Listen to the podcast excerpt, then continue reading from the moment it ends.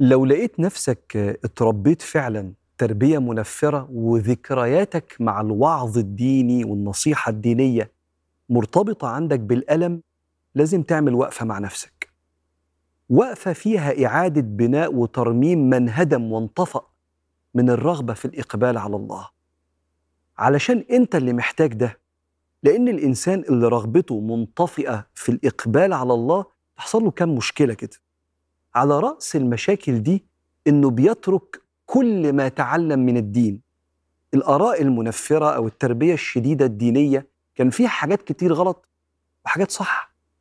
الصلاة كانت صح القرب من ربنا الذكر القرآن الطريقة اللي اتقالت بيها كانت مزعجة للنفوس الطبيعية.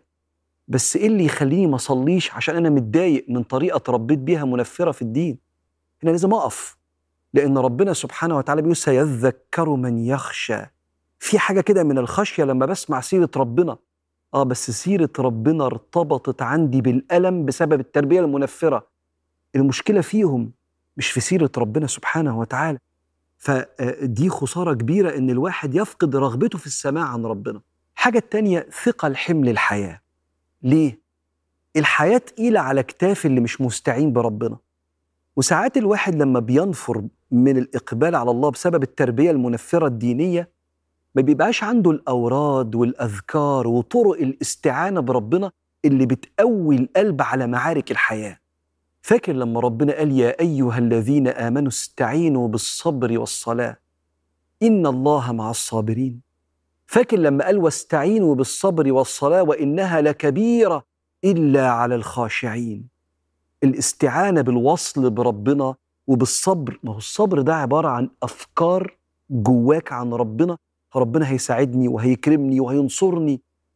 سيرة ربنا لازم تكون قريبة من القلب. لو سيرة ربنا والاستعانة بربنا بعيدة بسبب التربية الدينية المنفرة حمل الحياة بيبقى تقيل قوي على الواحد. الشيء الثالث والخسارة الكبيرة اللي بيخسرها أي واحد اتطفت جواه الرغبة في الإقبال على الله بسبب تربية منفرة. هو ملوش ذنب.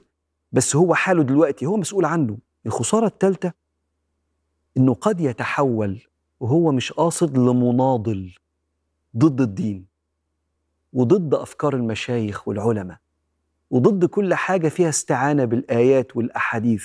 هو مش قاصد وهي مش قاصدة. بس الموضوع مرتبط بالألم والإجبار والقهر والتخويف كلها مشاعر سلبية.